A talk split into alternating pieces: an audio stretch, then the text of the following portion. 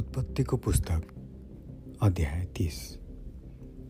याकुबबाट आफ्नो केही सन्तान नभएको देखेर रायलले आफ्नी दिदीसँग डाह गर्न लागिन्। तिनले याकुबलाई भनिन् मलाई पनि सन्तान दिनुहोस् नत्र म मर्नेछु। याकुबले रायलसित रिसाएर भने तिम्रो कोख थुनिदिने म परमेश्वरको स्थानमा छु र तब तिनले भनिन् मेरी कमारी बिला यहीँ छ। त्यससँग सहवास गर्नुहोस् र त्यसले मेरो निम्ति बच्चा जन्माओस् र त्यसद्वारा मलाई पनि सन्तान मिलोस्। यसकारण राहेलले आफ्नी कमारी बिल्हालाई याकुबकी पत्नीको रूपमा दिइन् र याकुब त्यहाँ कहाँ गए? बिल्हाले गर्भवती भएर याकुबबाट एकजना छोरो जन्माइन्। तब राहेलले भनिन् परमेश्वरले मलाई ठिक ठहराउनु भयो र मेरो बिन्ती सुनेर मलाई एकजना छोरो दिनुभयो। यसकारण तिनले त्यसको नाउँ दान राखिन्। राहेल कि कमारी बिल्हा फेरि गर्भवती भए र त्यसले याकुबबाट अर्को एकजना छोरो जन्माए।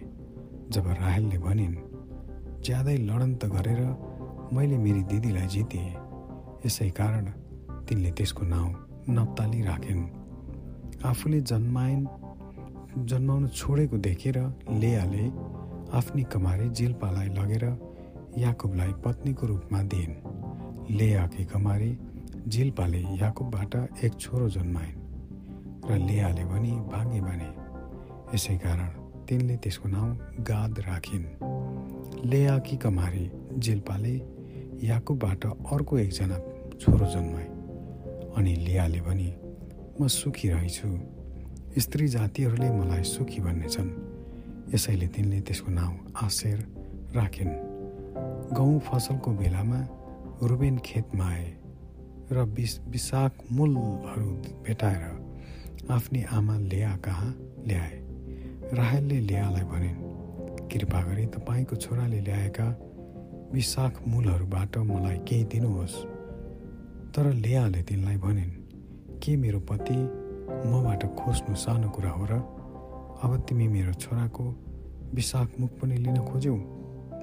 राहेलले भनिन् त्यसो भए तपाईँको छोराको विशाख मुखको निम्ति आज राति उहाँ तपाईँसित सुत्नुहुन्छ। साँझमा रात याको खेतबाट आउँदा ल्या तिनलाई भेट गर्न गइन् र भनिन् तपाईँ म कहाँ आउनुपर्छ किनभने मेरो छोराका विशाख मुखहरूसँग तपाईँलाई भाँडामा लिएकी छु। यसकारण याकुब त्यस रात तिनीसँग सुते। परमेश्वरले लियाको बिन्ती सुन्नुभयो र तिनी गर्भवती भइन् र याकुबबाट तिनले आफ्नो पाँचौँ छोरो जन्माइन्। तब लेयाले भनिन् मैले मेरी कमारी मेरा पतिलाई दिएको हुनाले परमेश्वरले मलाई मेरो इनाम दिनुभयो। यसकारण तिनले त्यसको नाउँ इस्साखार राखिन्। लेया फेरि गर्भवती भइन्। र याकुबबाट आफ्नो छैटौँ छोरो जन्माइन्। तब लेयाले भनिन् परमेश्वरले मलाई अमूल्य उपहार दिनुभएको छ। अब मेरो पतिले मलाई कदर गर्नुहुनेछ। किनभने मैले उहाँको निम्ति छजना छोराहरू जन्माइसकेँ। यसै कारण तिनले त्यसको नाउँ जुबलुन राखिन्। केही समयपछि तिनले एउटी छोरी जन्माइन् र तिनले त्यसको नाउँ दिना राखिन्। तब परमेश्वरले राहेललाई सम्झनु भयो र तिनको बिन्ती सुनेर उहाँले तिनको गर्व भरिदिनु भयो तिनी गर्भवती भएर एकजना छोरो जन्माइन् र भनिन् परमेश्वरले म माथि परेको निन्दा हटाइदिनु भयो तिनले त्यसको नाउँ योसेफ राखिन् अनि तिनले भनिन् परमेश्वरले मलाई अर्को छोरो पनि देऊ। राहेलले योसेफलाई जन्माएपछि याकुबले लाभानलाई भने आफ्नो देश र घरमा जान मलाई बिदा दिनुहोस्। मलाई मेरा पत्नीहरू र छोराछोरीहरू लैजान दिनुहोस् जसका निम्ति मैले तपाईँको चाकरी गरेको छु। मलाई जान दिनुहोस् किनभने मैले गरेको सेवा तपाईँलाई थाहै छ। तर लाभालले तिनलाई भने म माथि तिम्रो निगाह भए। बस। पूर्व लक्षणद्वारा मलाई थाहा भएको छ कि परमप्रभुले तिम्रो खातिर मलाई आशिष दिनुभएको छ। ज्याला कति लिन्छौ? मलाई भन। र म तिमीलाई त्यति दिउँला। याकुबले लाबानलाई भने मैले तपाईँको कस्तो सेवा गरेको छु?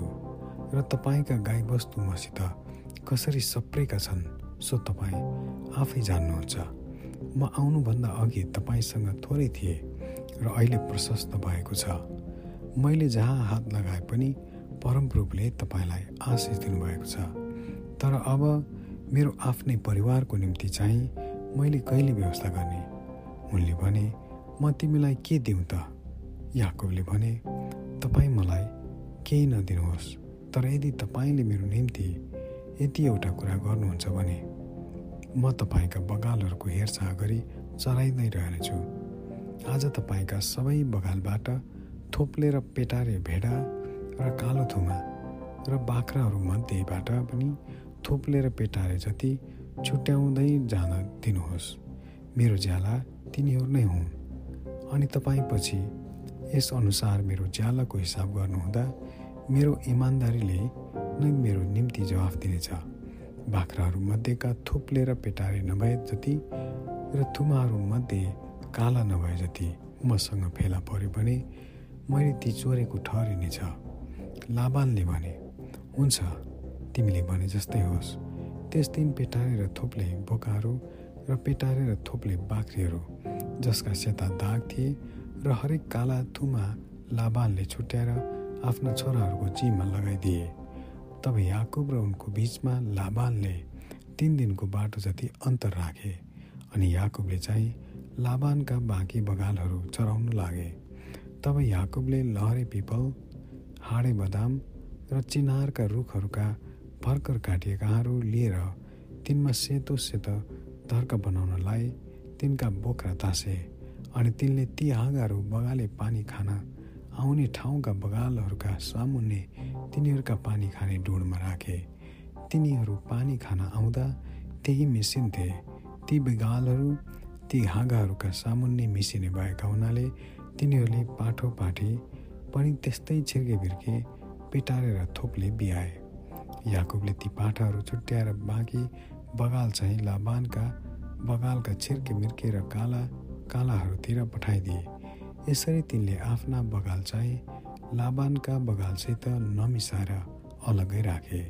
ती हाँगाहरूका सामु मिसिउन् भनेर बलिया बलिया बगालहरू मिसिने बेलामा चाहिँ याकुबले डुडमा ती बगालका आँखाकै सामु ती हाँगाहरू राखिदिन्थे। तर निर्धा बगालहरूका निम्ति चाहिँ तिनले ती हाँगाहरू राखिदिँदैनथे। यसकारण निर्धा जति लाभानका भए र बलिया जाति चाहिँ याकुबका भए।